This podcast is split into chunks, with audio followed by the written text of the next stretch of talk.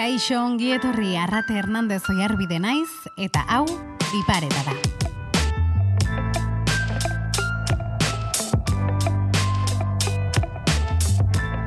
Botere harremanek gure egunerokoa baldintzatzen dute.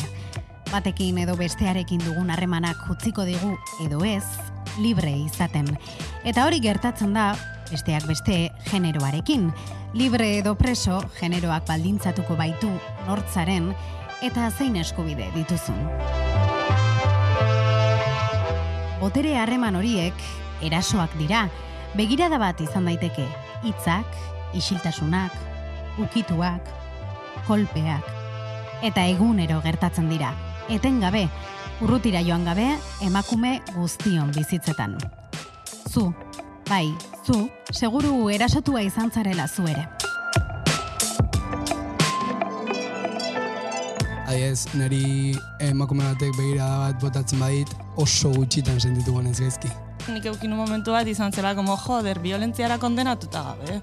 Osea, alde guztietatik, baina esatezu, jo, nahiago et ikustea, ez ikustea baino, porque gogorra da ikustea, baino gogorragoa da bizitzea jakin gabe zer gertatzen.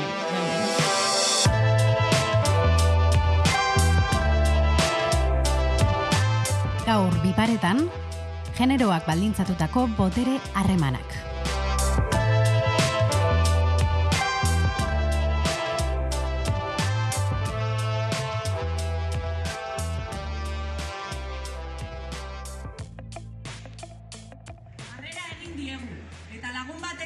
Sartu da, gertatutakoa azaltzera. Gizon batek iraindu du, tipoak ez zuen pakean uzten. Neskak eta bere kuadrillak gunetik joan behar izan dute. Donostiako aste nagusiko abuztuaren amairuko gauean gertatutakoa, etzen inolaz ere kasu isolatu bat izan. Eman zitzaion erantzuna izan zen ezoikoa.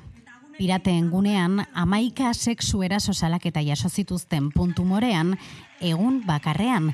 Eta horren aurrean, erabaki irmoa hartu zuten. Urrengo eguneko egitara osoa, bertan bera ustea.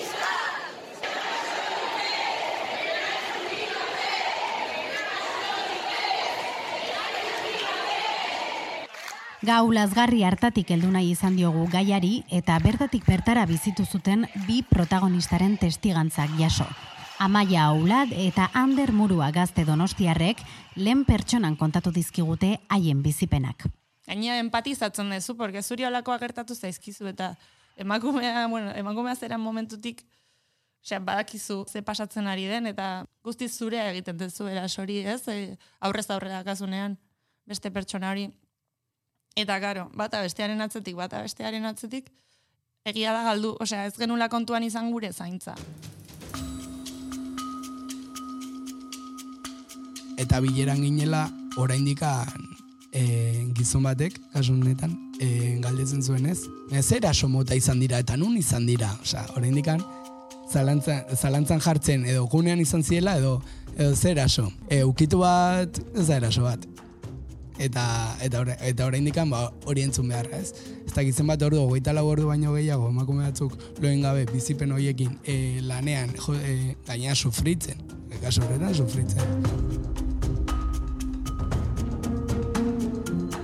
Baina ezer baino lehen, errepara diezaiogun lehenago, erasoen atzean ezkutatzen denari. azken finean, ba, gizartea jarri dizkigun estereotipoak edo jarrera hauek, ba, gaur egun ere bai oraindik begibistan daude, eta nik uste ba, hori, e, honekin behintzat, e, bai dagola bide batean ja e, berdintasunera, baina oraindik ere pauso asko daudela, eta ni behintzat feminista sentitzen naiz, ba, alde hortatik, nik uste berdintasunera iritsi beharko, behar garelako, eta horren borrokan parte hartu nahi detelako.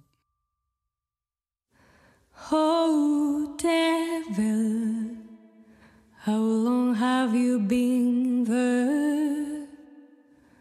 Watching me burn. Mm. Oh, Bataren privilegio eta bestearen alduntzeak kontzienteki landu dituzte Ander eta Amaiak. Zu pertsona bezala, nola aldatu zaitu watching me feminismoak? Goitik bera, esango nuke. Azkenean zure bizitza osoan ez, mugitzen zaituzten gauztei zentzu bat aurkitzen diezu horrekin. Mina eman dizuten gauza oso garrantzitsu batzuei ez, edo txiki sentitu zaren momentu askori, como zentzua ikusten diozu eta horren atzean dagoen ez, monstroa ikusten duzu benetan, etzeala zu askotan ez, e, sistema. When I close my eyes, I see you once. maskarak entze hori e, asko lagundu zidan. E, formakuntza, irakurtzeak, saretzeak, konpartitzeak batez ere beste beste kideekin, ez? Bai autodefentsa tailerrean, bai e, asamblada feministan eta eta orain zirgarin, ez? DBH inguruan hasi nintzen kontzientzia hartzen batez ere formakuntzak hartzen joan ginen. Hau da, guk gaixi aldi taldean egin dugu genero ikuspegitik ze jarrera hartzen ditun gizon batzuk eta ze jarrera hartzen duten emakume batzuk eta hori refleka, reflejatzen genuen gero gure bileretan adibidez ez. Gizon batek e, zenbat aldiz jaten duen emakume, jan, esan dut, hitza, hitzaken du emakume bati, edo gizon batek zenbat hitz egiten duen emakume baten aurrean, edo olako beste hainbat kontutan ez, eta nik uste hor kontzentzia hartu nula, bai, bai ni, bai gizonezkook, e, ze, ze jarrera ukitzen genuen e, leku irekitan e, emakumeek ez daukaten jarrera berdina. Watching me cry.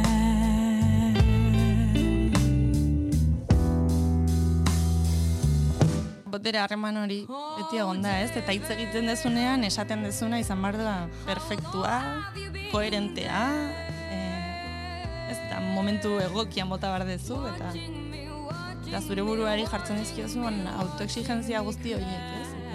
Gero ikusten duzu aldiz, gizon batek zure ondoan botatze dula. Kristona, holako lasaitasun batekin, eske nahi nuke nik ere hori egin, ez? Berdina ere, jo, itzaldietan eta hola, e, eskualtxatzerako orduan, jo, pentsatzen dut pila bat. Eta gehienetan ez dut ez da galdetzen ere, porque iten badet galdera bat izan behar du benetan, espazio hortan, e, ez, como merezi duen galdera bat, eta, eta aldiz beste hori gizonak normalean, txatzen dute eskua eta olako lasaitasunekin edo zein galdera egin, jo, hor badago, osea, hori ez da kasualitatea, ez? Zenbaki, osea, azkenean zenbaki batzu dira, eta ikusten da, reflejatzen da zu ze egiten ari zeran, eta gero zure ikuspuntuarekin hori bat ez datorrela, orduan, hor, aldaketa bat ematea beharrizkoa beharrizkoa dela, esaten zaizu. Nola sentitu zinen? Arrotza, arrotza egiten da, e, ikusterako, ikusterako ba hori, e, gizonezko ze botere dakaten, e, emakumezkoen aurrean, eta eta hori inkonstienteki egiten dugula. Osea, konturatzen gera, nahi dugu, baina baina oraindik ere bai, dago pauso handi bat emateko eta eta ez da erresa. Oh, devil. Oh. Oh. Oh.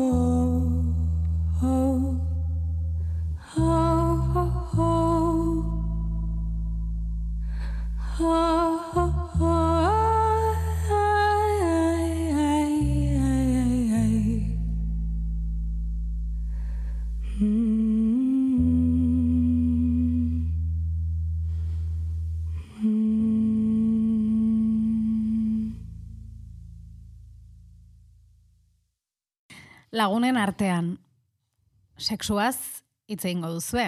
Bai. Nolakoak dira elkarrizketa horiek? Asko aipatzen dira WhatsApp taldeak, zuri ere iristen zaizkizu alako mezu, ez dakit, lizunak edo behintzat eh, eduki sexuala dutenak, eta hori eh, talde horietatik kanpo ere elkarrizketetan nabari da zure inguruan. Ba, bai, adiez, e, gizonezkoen talde elkartu ginenean, bai hitz egiten nun, hitz egiten genuen horren inguruan, ez? Sare sozialetatik eta zenbat zenbat irudi edo ateratzen diren e, emakumezkoen inguruan, eta zenbat iristen zaizkigun mugikorrera. Eta, eta horren aurrean ba, planteatu genuen gure taldeetan eta bidaltzen duten e, bidaltzen zuten momenturo ba, e, guk bidaltzea. E, e, iru- irudi hau edo bideo hau ez da, ez da talderako.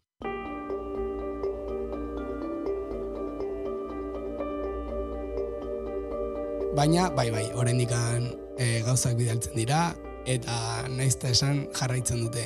Nik ere hor e, diferentzia bat ikusten dut, e, ze pertsonek bidaltzen duten, segun eta zein gurutan ibiltzen diren. Hau da, e, nik nire kasuan ez dut bidaltzen horrelakorik, kont, konstiente naizelako eta nire inguruan e, gai horren inguruan eta gehiago hitz egiten delako. Nire kasuan, nire kuadriako beste batzuk e, ez dira ibiltzen horrelako ingurutan eta baina baritzen zaio horrelako horrelako jarrerak, e, jarrera txarroiek asko ere gehiago. Eta, eta bai, bai, osea, atzo bertan bidali zuten, zera bat, e, bideo bat, Zer bidali zuten. ba, emakume bat Torre Eiffel parean, e, zera, ba, hola, e, erropa transparente batekin, argazkiak ateratzen modelo bat omen zen. Eta, eta hori, eta gizon bat ari da grabatzen. Ari da grabatzen emakumea, atzean daka Torre Eiffela, eta emakumea grabatzen ari dela, momentu batean giratzen du mugikora Torre Eiffela. Esaten du Torre, eh, esaten du Torre Eiffela gertzen denean. La Torre Eiffel me la suda. Eta, ba, ba hori. Eta beti daude horrelako bideoak, eta gainera gero komentario batzuk ere bai, taldean, ba, Eta humorea, eta ja, ja, ja, bai, eta... ja, ja, ja, que, que verde el viejo ese, no sé qué, edo, que... Eta, ba, bai, bai, bai, horrein dikan asko, asko, asko. aurrekoan lagun batekin hitz egiten nuen, ez? Eta esate zian, jo, eske, ja ez dut aguantatzen. Zer ez ez du aguantatzen, eta eske, ja, xa, aurrekoan klak egin ziola buruak, eta eske, ja ezin dut hau aguantatu. Ezin, ezin dut, eta esaten nion, Hau zer. e, hori, ba, boterea harreman hori sexuan, ez? Edo, edo berak nahi duena egitea, edo ez berak nahi duenean bukatzea, azken finean edo lako gauzak, eta eta besteak ez zion bueltarik ematen, porque ez zuen irakurketarik egiten, eta sin mas, ba, nahi dut eta fuera, eta ez zain komplikatua. Ostra, niri ere kontrakoa gertatu zaidanean, ez? E, e, ez bukatzea hor, esatezu, ostra, adarreta itzizu. Aha. En plan, Arraro egin zaizu. Arraro egiten zaizu. Eta ia ia eskerrak eman nizkiozu. Eta eta jo, ez da hori, ez, ez atzeratua gauden. Olako zerbait sentitu behar baet, ez, kontrakoa nahi detena eta gertatu beharko zena gertatzen denean, ez?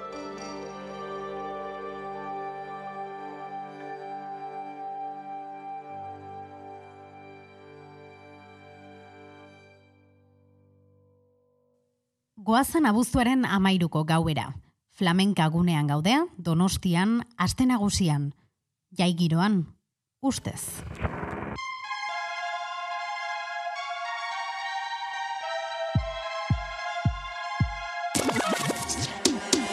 Vaya chiringuito que tenéis montado.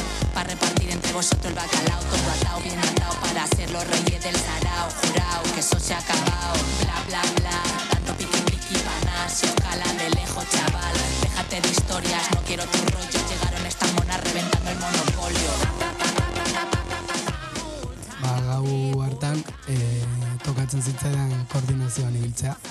beste bi kiderekin.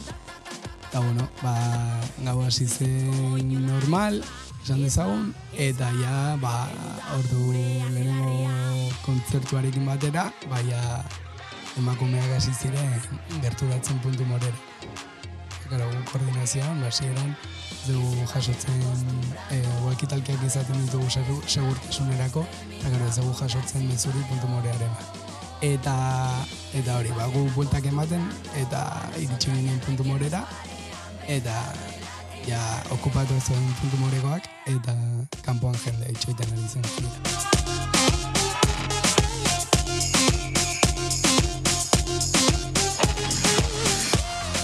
Turnoa zegoen berez, em, kofraiako kideek egiten duten turnoa, eta ezinizekoa izan zan egitea, guginalako hor puntuan, ez, lantaldea bera bilduta, salaketa goiago jasotzen hor ginala, salaketa bat eh, jaso genuen kontzentrazioa egiten ari ginean aurreko guneko erasoa salatzeko, ez?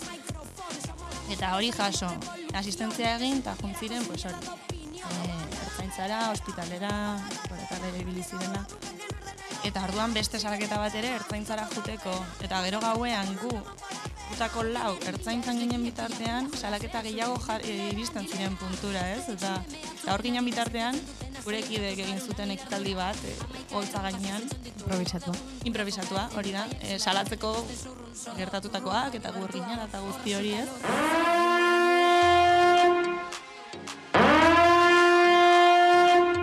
Adi piratok, eraso bat gertatzen ari da.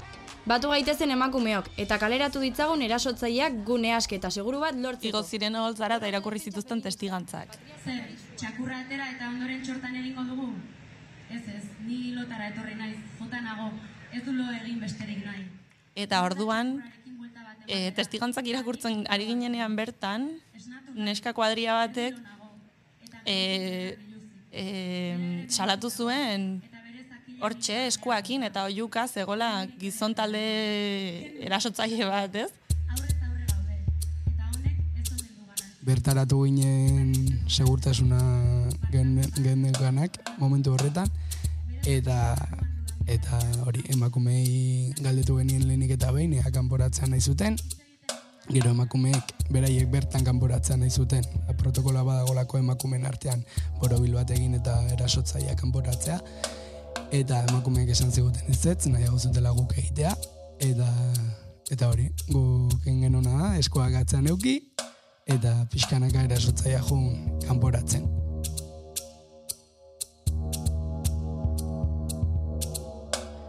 Ze jarrera zeukan momentu horretan, erasotzaileak. Oso agresiboa. Oso agresiboa, bai erasotzaileak, bai bere, Lagun bere lagun batek, emakumezko bat zen, bere laguna, eta laguna oso oso oso eh, oso violenta jarri zen.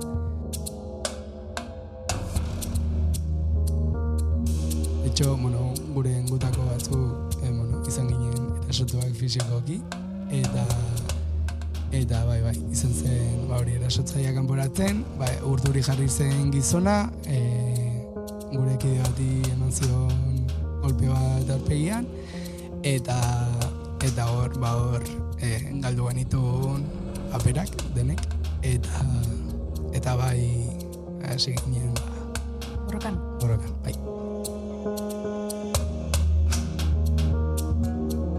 Eta hor e, izan behar da diez e, begi biztan ba, e, borrokan gehienak gehienak gizonezkoak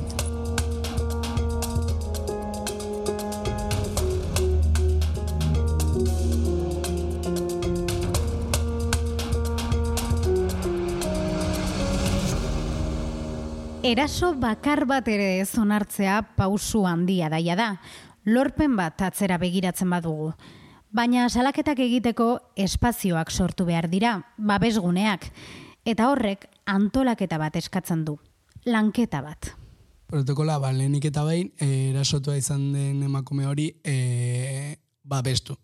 Babestu, e, oso gora kritikoan dagoelako momentu horretan. Nola gizonezkoa naizen ez, ez naiz inoiz erasotua izan, baina baina suposatzen dut egoera horretan oso oso gaizki sentitzen dela e, emakume bat, eta noski noski bai fizikoki, bai e, psikologikoki dena lasaitzea pixkat, eta hortik aurrera ba, astea kontatzen ez, baina beti ematen zaio aukera e, erasotua izan denari, e, ze pauta jarraitu nahi ditun. Daude, ba, ba daude bi, bi bide irekitzen dituna, bat e, ba, ez ez esatea eta, eta horrela ustea, eta beste bat, ba, ja, jutea Salaketa. e, salaketa jartzera, ez? Bai salaketa edo bai publikoki edo bai ertzaintzaren bidez eta Patricia Martínez de Musitu, Bilboko ertzainetxeko ikerketa arduraduna da. Lehenengoa da eta garrantzitsuena da e, biktimaren ganako laguntza. Hau da, mm, biktimaren harrera alik eta zamurtasun handien ez egitea. Ba, beharrezkoa duen oreka emozionalari erantzuten eta litekena bada ba, e, sexu bereko agente baten eskutik e, egiten zaietzea. Biktima, biktimari e, lehenengo, lehenengoa jakinarazi behar zaio, ba ez dela garbitu behar, ez da erosoaren momentuan jantzitako arropa bota behar e, ez da, ez da ere. Alaber, e, erasoak ahotik izan badira, e, jakinaraziko zaio, e, ez jatea, ez da edatea ere, ezer. Behin poliziaren egoitzan, biktima toki erosoa, eramango da, eta e, momentu guztietan lagunduko duen agente bat e, izendatuko da. Bueno, normalean, agente bi izendatzen dira. E, zertarako, ba, biktima laguntzeko, e, momentu guztietan. E, ba, mediku ikuskapenak egitera laguntzeko. Zenide edo lagunak bilatzeko, e, zalaketa jasotzeko, ba, ba, eta bar, eta bar. Salaketak gora, salaketak behera, pasatzen gaua eta zurrumiloa zertxobait baretuta, erabakitzeko momentua heldu zen. Eta, eta ginen goizeko seitan, negarrari eusten, etzun inor negarrik egin, egun hortan, inork. Batzeon, xokean, bestea, ez dakit zertan. Azkenean horri ikusten zenun nola bizi duen bakoitzak. Olako egoera bat, ez? Eta zen mekanismoa azkagun, como hori gestionatzeko, emozio guzti horiek gestionatzeko, ez? Ertzaintzan egon ginenak batez ere esaten genuen, gelditu behar da dena. Gelditu behar da, eske ezin dugu, eske bihar ezin dugu lan egin. Ezin dugu. Eta, eta puntuan zaudenak beste modu batera ikuste zuten, eta elkartu ginenean hor txokea. Ez, eta utzi behar dugu, eta nola, eta bai, eta hor, ez da bai da ez, eta bakoitza zeakarren, como, como ma, motxila emozionalarekin, pues, eta erabaki genuen jazta. Planteatzea ustearena, ez? Eta orduan esan genuen benga, bale, ba, flamenka da dituko dugu bihar, botako dugu hau dena, eta, eta bozkatzen dugu. Eta aldi berean ateratzen zen, jo, eta eta ez ez ateratzen bada. Osea, jendeak esaten badu nahi digu hala ere jai, e, jaigunean jarraitu ez, porque azkenean bozkaketa bat zan. Eta, uh, ba, ez ez da gertatuko ezin da gertatu, eta gertatu daiteke, eta ez, eta hor guz- hor guzti horrekin buruan, eta venga, guazen argudiak eta ondo, ondo lantzera, ez, eta hauta bestia, eta hauta. Bale, eta hau zerrengatik, honengatik, eta ez, benetako indarrakin juteko flamenka harretara. Ba, gertatu zana, izan, izan zen, iritsi ginala, lehengoak esan zumen gaba, ni potente nao. Eta derrepente hartzen du batek te- mikro bat, eta venga, ni hasiko naiz. Hartuta, negar batian. Pasatzen digute mikroa urrengoari, negar batian. Besteari pasa, negar batean. Eta esan genu, joe, jende guztia, harritu zen, en plan, "Ba, zer gertatu da, zer gertatu da. Negar besterik ez genuen egiten ez, eta Argudiorik etzen uten behar izan. izan zen, batek esaten zuen, ez? Momentu hori izan zen benetan ikustea benetakoa da.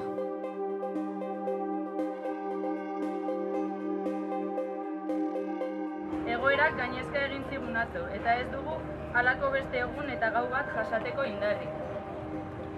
Gaur goizean premiazko flamenkada baterako deialdia egin dugu. Biraton artean erabakitzeko zer egin eta zen neurri hartu ditzakegun egoera honi aurre egiteko. Festetan parte hartzen duten euneko berrogetan marraren segurtasuna eta askatasuna bermatu ezin bada, ez dago festarik.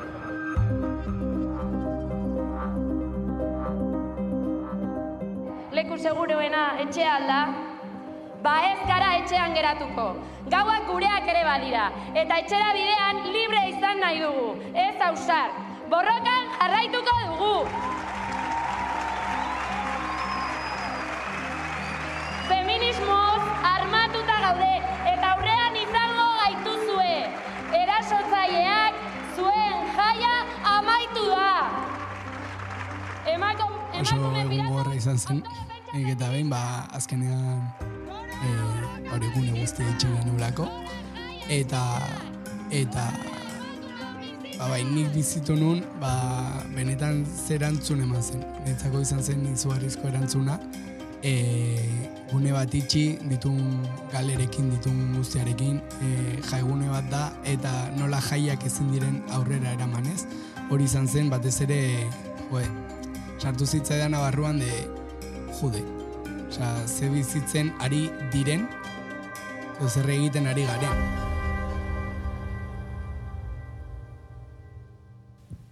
Sekulako jendetza batu zitzaien babesa adieraztera, milaka lagun. Ez zirelako bezperako erasoak bakarrik salatuko. Jaiak baldintza horietan ospatu ezin direla defendatzeko garrasi bat izan zen. Elkarrekin oiukatutako hemen gaude indartxu eta ozen bat. Eta Donostiako piratek manifestazioa egin dute haundia gainera orain ordu bete sexu erasoa salatzeko. Diotenez, amar salak eta jaso dituzte festak hasi zinenetik euren gunean. Segurtasun sailaren arabera horietariko batek bakarri jarri. Azten zera kontatzen gau hartakoa eta, eta jende esaten, bueno, bueno, bueno, ez. Osa, benetan gertatu da, eta gainera e, udaletxeak sineskortasun hori kendu. Ikuste, txokerik nabariena eman zala urrengo gunean udaletxeak eman zitunean beraien testigantzak. Eta karo, beraiek kontatzen dituzte, ertzaintzatik pasatako em, salaketak edo batzuetan mediotatik e, e, enteratzen dira ez. Eta horrek txokatzen zuen pila bat gure zenbakiarekin.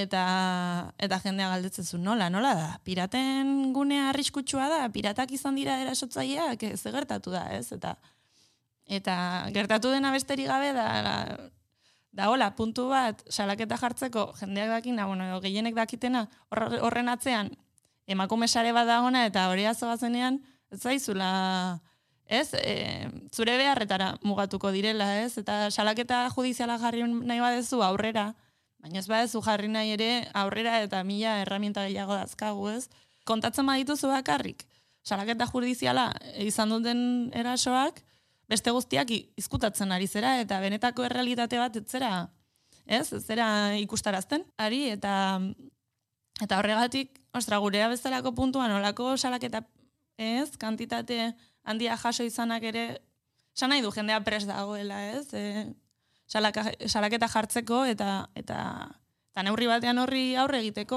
Udadonek eta bozeramale batzordeak ada erabakita, behin berriro gaitzaspen osoa adierazi nahi du. Gaurko gertakariak adierazten digu, ba ez gaude da horredako eta ez eh, libre, eta iruditzen zait, ba hori. Horren aurrean adi egon beharra daukagu da.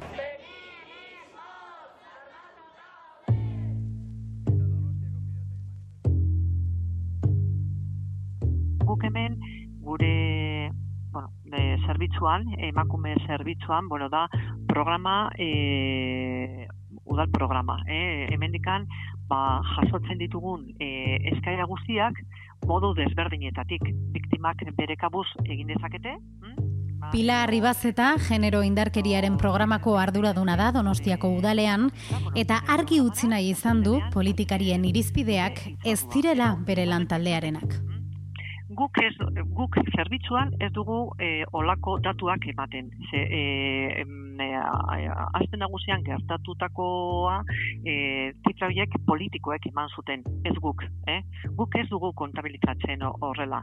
Guk kontabilizatzen dugu, osea, bai salaketa, bai ez salaketa. Udalak eta la, los portavoces políticos momentu batean e, e, kontabilizatu zuten hori, ez dakit ze irizpideak e, erabili zuten, imaginatzen dut, baino ez da nere ardura, osea, nik ez dut olako datuak eman nahi, ze e, gure programan e, atenditzen ditugun pertsonak e, segurazki guk kontabilizatzen dugu dena eta Vale. politikoek ez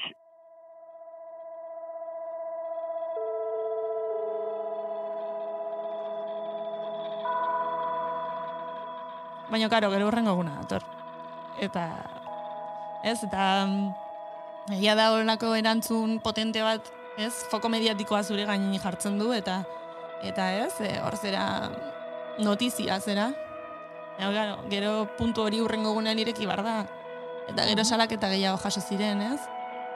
Eta, eta egun hori bai, baino sarea indartu egin behar da, ez? Eta nik uste lehenengo gauza hori dela, ez? Motivazioa e, norberak e, zer egin behar duen e, egoera honen inguruan, edo ze jarrera hartu behar duen e, gizonezkoa den inean. Guk eraso bat ikusten dugu izan behar dula gauza izugarri bat, eta eta ez da gauza izugarri bat, gertatu behar eraso bat izateko.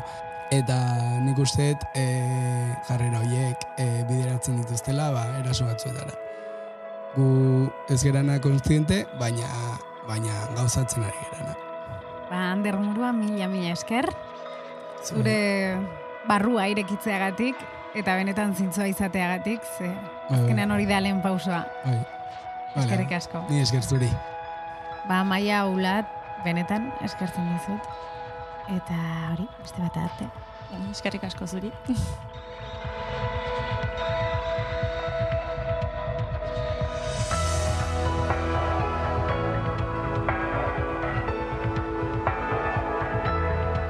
Bizitakoa landu eta sendatzeko lanean ari dira orain Ander eta Amaia.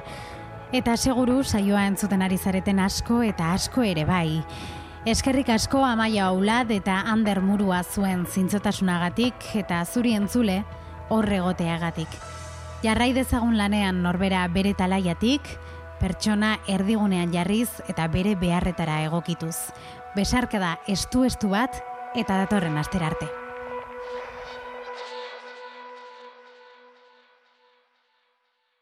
Edo zein audio plataformatan entzun dezakezu zuzeu podcast. Spotify, Apple Podcast, Stitcher, eta bestela sartu podcast.eus elbidera. Hori da, podcast.eus. Eta bertan topatuko dituzu ekoizten ditugun saio guztiak.